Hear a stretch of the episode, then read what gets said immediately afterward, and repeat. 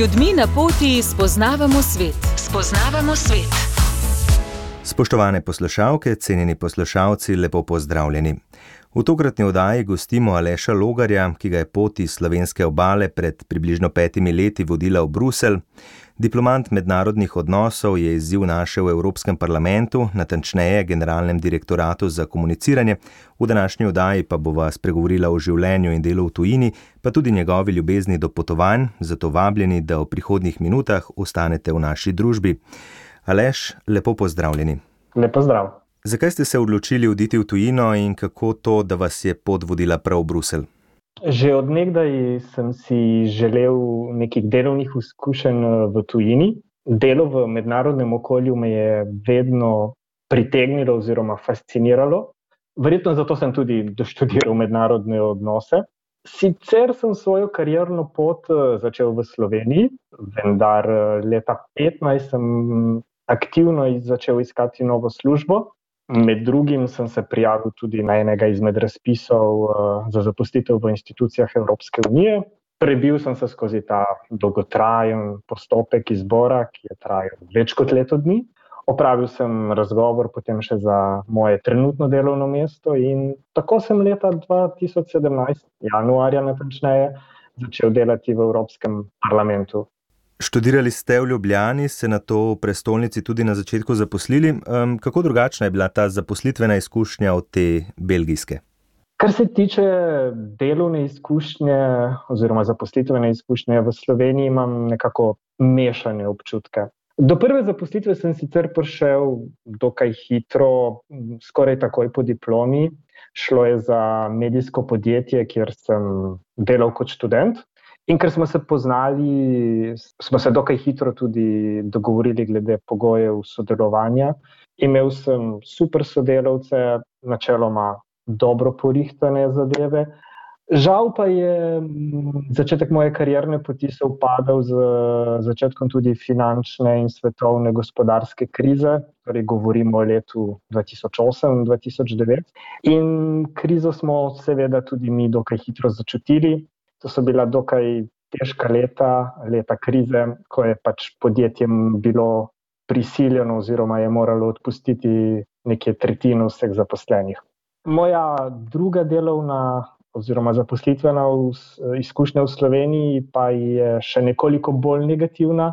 Še vedno govorimo o tistem obdobju kriznih let.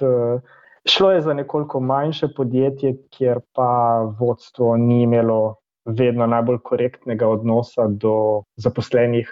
Tako da, kadar sem dal odpoved, mi ni bilo prav kaj dosti žal.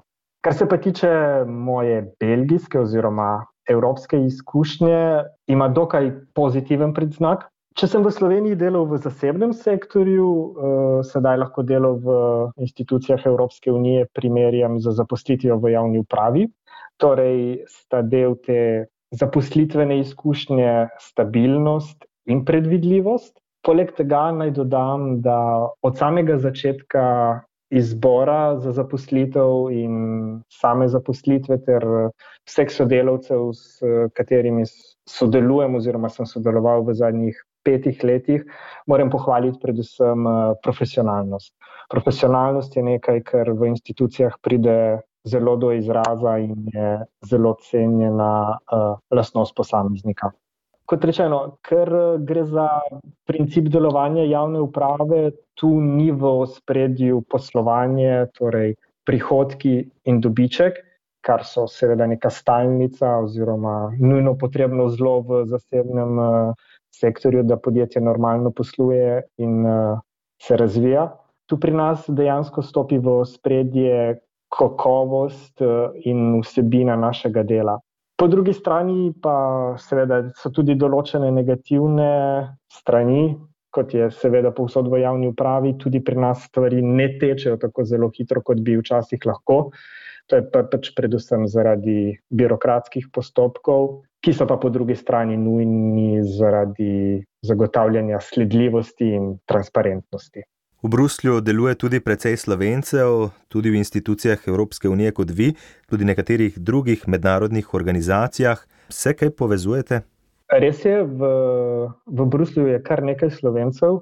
Med drugim, moja šefica je prav tako iz Slovenije, In kakorkoli čudno se zdi, je lepo včasih uporabljati tudi slovenščino v službi tukaj v Bruslju. Drugače pa tako, kot ste omenili, ja, v, eh, v Bruslju je kar nekaj slovencev, ki se povezujemo na najrazličnejše načine. Prisotnih je kar nekaj društev, ki, organizira, ki organizirajo najrazličnejše dogodke, recimo literarni večeri, različni športni dogodki. Zelo aktivno je tudi veleposlaništvo v Bruslju, eh, ki redno organizira kulturne dogodke. Poleg tega je tu tradicionalni sprejem ob dnevu državnosti in sprejem ob novem letu. Ti dogodki so običajno dobro obiskani. Resnično imam občutek, da, da smo Slovenci dobro povezani. Med drugim na enem izmed družbenih omrežij deluje tudi skupina Slovenci v Belgiji, kjer drug drugemu poskušamo pomagati z uporabnimi informacijami, na sveti, kako se najlažje znajti tukaj v Bruslju oziroma v Belgiji. Seveda pa v tej skupini uh, si poskušamo pomagati tudi na druge načine. Naprimer, če kdo potuje v Slovenijo, to najavi, pa druge pa vpraša, ali kdo kaj potrebuje iz Slovenije, ali kdo rabi prepeljati kakšen uh, paket uh, v Slovenijo ali v Belgijo. Tako da smo res dobro povezani, bi rekel. Kaj je bilo najtežje za vas, ko ste šli v tujino in kako ohranjate stik z družino, pa tudi prijatelji v Sloveniji? Zdaj, če se za trenutek ustavim pri samem administrativnem postopku selitve iz ene v drugo državo, ta je bil dokaj preprost, res brez posebnosti. Marsikaj se je dalo urediti kar elektronsko, tako s slovensko, kot tudi z belgijsko javno upravo. Sveda, najtežji, najtežji del se je bilo takrat, ko sem bil še v Sloveniji, uh, posloviti od najbližjih. A moram takoj dodati, da vem, sodobna tehnologija danes zelo pomaga. Če želi z nekom ohraniti stik, danes uh, ni to nič posebnega. Poleg tega, Bruselj je le uro 15 uh, eh, oddaljen od Ljubljane z letalom, In v zadnjih petih letih, odkar, sem, odkar živim tu, se je zvrstilo kar nekaj obiskov. Sam tudi dokaj pogosto obiščem Slovenijo. Tako da včasih res nimam občutka, da živim tisoč km stran od domovine, oziroma da sploh živim v tujini. Kaj pa sam standard življenja v Bruslju, recimo, kaj si je mogoče privoščiti z neko povprečno plačo, in kako je tudi recimo z stanovanji? Sedaj je morda vredno takoj poudariti razliko med tistimi, ki smo zaposleni, zaposleni v evropskih institucijah, kjer so običajno plače više od samega belgijskega povprečja. Tako da mi, recimo, uživamo dokaj visok standard uh, življenja. Kar se pa tiče povprečnega Belgica, če ga povpre, primerjam z uh, povprečnim Slovencem, je tu življenjski standard gotovo višji. Cene so prav tako nekoliko više, recimo tam uh, 20 uh, do 30 uh, odstotkov. Pa vendar si povprečen Belgije, če vedno več lahko privošči od uh, povprečnega Slovenca. Kar se tiče stanovanj, eh, je, je pa Brus, Bruselj nikoli ni, recimo, temu trpel kašno pomankanje stanovanj. Eh, ponudbe na trgu je kar nekaj, tako rabljenih kot novih stanovanj. Nekoliko verjetno pripomore tudi k temu uh, velika fluktuacija posameznikov, ki prihajajo na začasno delo v Bruselj in tudi odhajajo. Tako da nekako se mi zdi, da ponudba in povpraševanje se dobro ujameta med seboj. Kako pa doživljate tamkajšnjo naravo, okolje, vas je kaj posebej presenetilo in kaj vam je morda najbolj všeč? Slovenija in Belgija sta si glede narave nekoliko različni. Belgija je sestavljena recimo temu iz dveh delov, iz severnega Flandrije in iz južnega Valonije. Flandrija je nekoliko nižin, bistveno bolj nižinska, prevladujejo obdelovalne površine, medtem ko Valonija je pa bolj podobna kakšnemu slovenskemu podeželju, torej eh, posejana je z griči in hribi, torej nekoliko bolj razgibano okolje. Tu ni gora, tako kot v Sloveniji, najvišji vrh v Belgiji meri vsega skupaj nekaj manj kot 700 metrov. Kar je skupno v Sloveniji in Belgiji, je to, da ravno nimata obilo morja. Belgija ima nekje 65 km obale, ki je večinoma peščena. Vendar, za razliko od Slovenije, ker gre pač za ocean, temperatura vode poleti ne preseže 20 stopinj. Je pa Belgija res polna takšnih uh, večjih in manjših, zelo slikovitih mest. Najbolj, znan, najbolj znana mesta so Bruselj, Antwerp, Gent, Bruche, Mons. Poleg tega pa je še tu mnogo manjših, a kljub temu izredno očarljivih manjših mest. Z njihovimi popolnoma lepo ohranjenimi starimi mestnimi jedri in to tipično flamsko arhitekturo. V Bruslju je zaznati tako francoski kot nizozemski vpliv, tudi mesto je zelo multikulturno. Kako doživljate to prepletanje kultur in kako je s sobivanjem? Kakšni so ljudje? Bruselj je nedvomno zelo kulturno raznolik. Deloma je to posledica dejstva, da je tu uh, ima veliko mednarodnih organizacij sedež, posledično veliko tega osebja prihaja iz uh, od drugot, torej niso Belgici. Uradno je mesto dvojezično, uh, torej vse je v francoščini in v nizozemščini. Administracija bruselske regije prav tako posluje v obeh jezikih. Poleg tega je vredno omeniti, da v Bruslju živi kar nekaj prebivalstva, ki je arabskega oziroma afriškega izvora. Tako boste, na primer, našli afriško četrt, deset minut peš uh, od uh, sedeža evropskih uh, institucij. Vse skupaj je zanimiva mešanica kultur, ki se med seboj prepletajo. Ena kultura si sposoja elemente pri drugi in to potem le upleta v svojo. Nič nenavadnega ni, če ko se sprehajaš po kateri koli izmed bruselskih ulic, slišiš kar nekaj jezikov, enega za drugim. Mnogo je španščine, veliko je tudi arabščine, še največ pa gotovo angliščine včasih tudi sami Belgici, torej Flamci in Valonci med seboj govorijo angliško. Arhitekturno je Bruselj spet ena zanimiva mešanica francoskega in nizozemskega vpliva. Najdete veliko kavaren, ki so podobne tistim v Parizu, hkrati vse skupaj v objemu te flamske arhitekture, to, pa, to so pa te visoke in dokaj oske opečnate zgradbe, ki običajno štejejo tam tri ali štiri nadstropja. Belgija je znana zlasti po pivih in čokoladi. Kako to vpliva na družbo in kako je sicer s kulinariko? Imate kakšno posebej priljubljeno belgijsko jed? Seveda ne smemo pozabiti tudi na pomfri, ki ga Belgijci postrežejo skupaj s školkami. To je belgijska nacionalna jed in njihov ponos.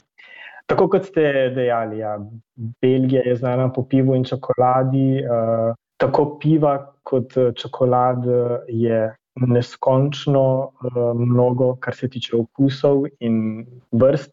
Piv, mislim, da je nekje tam več kot 800 različnih vrst, in za razliko od slovenskih, so belgijska piva močnejša, saj ponavadi vsebojo tam 7-8 odstotkov, včasih pa kar 12 odstotkov alkohola. In, naprimer, vedno, kadar gremo s kolegi na pivo, po dveh rundah je že kar dovolj. No? Res imam občutek, da Belgijci nekoliko dajo prednost kakovosti pred eh, količino. In isto velja tudi za čokolado, manj je več. In tukaj je res neskončno tako imenovanih uh, eh, metrošokolatij, torej teh mojstrov čokolade, ki med seboj kar tekmujejo v ustvarjanju najrazličnejših okusov dejansko pravi raj na zemlji za ljubitelje piva in čokolade. Povprašali ste še po priljubljeni belgijski jedi.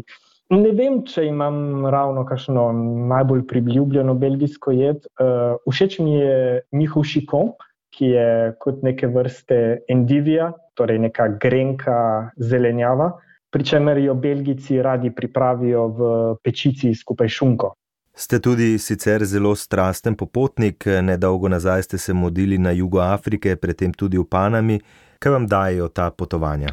Potujem v svojem prostem času, sicer pa potovanja dejansko dopolnjujejo mojo službo, kajti že sam po sebi delam v nekem mednarodnem okolju in sem vajen različnosti, zato tudi rad eh, potujem po svetu, da odkrivam nove stvari res imam občutek, da potovanja odpirajo uh, poglede na svet, širijo obzorje duha in omogočajo razumevanje in sprejemanje drugačnosti. Če narediva neko primerjavo, kako drugačni sta bili za vas omenjeni potovanji, vas je kaj posebej presenetilo, se vam je kaj posebej vtisnilo v spomin? Državi sta si po naravnih danostih dokaj različni. Panama je tipična tropska država z obilico tropskih gozdov in padavin, na drugi strani pa je Namibija pretežno suha in puščavska država.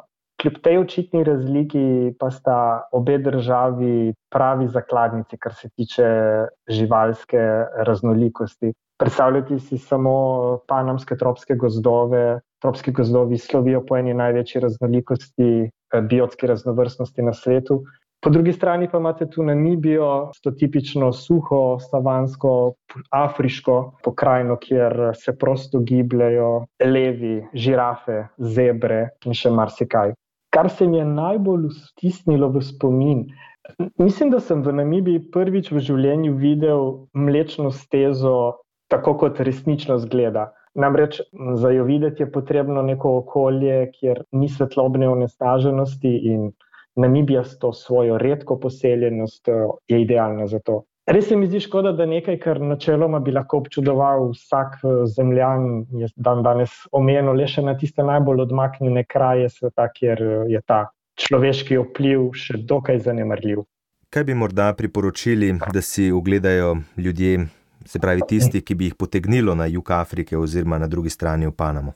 Namibijo bi načeloma priporočal vsem, ki si želijo za vsaj nekaj časa prekiniti oziroma malo pretrgati s to sodobno civilizacijo, s sodobnim svetom. Namreč, enkrat, ko človek zapusti Windhoek, glavno mesto Namibije, se znajde tako rekoč sredi ničesar. Pred teboj je zgolj cesta, brez nekega konca, levo in desno je najverjetneje savana, oziroma neka puščavska ali polpuščavska pokrajina. Prometa ni, eh, na tabo je zgolj modro nebo, tu pa tam le kakšna žival prečka cesto. Kar se pa tiče Paname, je pa to dejansko primerna destinacija za tiste, ki krepenijo po toplih krajih. Naprimer, na severu države eh, leži otočje Bocas del Toro, ki je pravi tropski raj z, z temi belimi plažami, palmami in turkiznim morjem in bolj malo turistov. Poleg tega pa je v Panami, seveda, Panamski kanal, torej za vse ljubitelje tehnike in uh, čudežev sodobne, moderne dobe. Kaj pa ljudje, kako ste jih doživeli in se v Evropi morda preveč pritožujemo nad vsem, kar imamo oziroma nam je dano? Tako v Panami kot v Namibiji sem naletel na izredno prijazne ljudi. V obeh državah me je navdušila njihova odprtost do, do drugih kultur, eh, do drugačnosti in to brez kakršnih koli predsotkov. Zelo je prišla do izraza ta njihova želja spoznati uh, nekaj novega, nekaj, kar ni tipično za njihovo okolje, in seveda tudi njihova pripravljenost uh, deliti njihove izkušnje. Kar se pa tiče nas, evropejcev, morda včasih pozavljamo, da živimo v enem najbolj razvitih delov sveta, kjer kljub vsemu vlada dokajšnja blaginja in kjer večina prebivalstva uspe dokaj normalno živeti. Res je, pogosto se pritožujemo, to ni prav, to ne deluje, to bi lahko uredili bolje.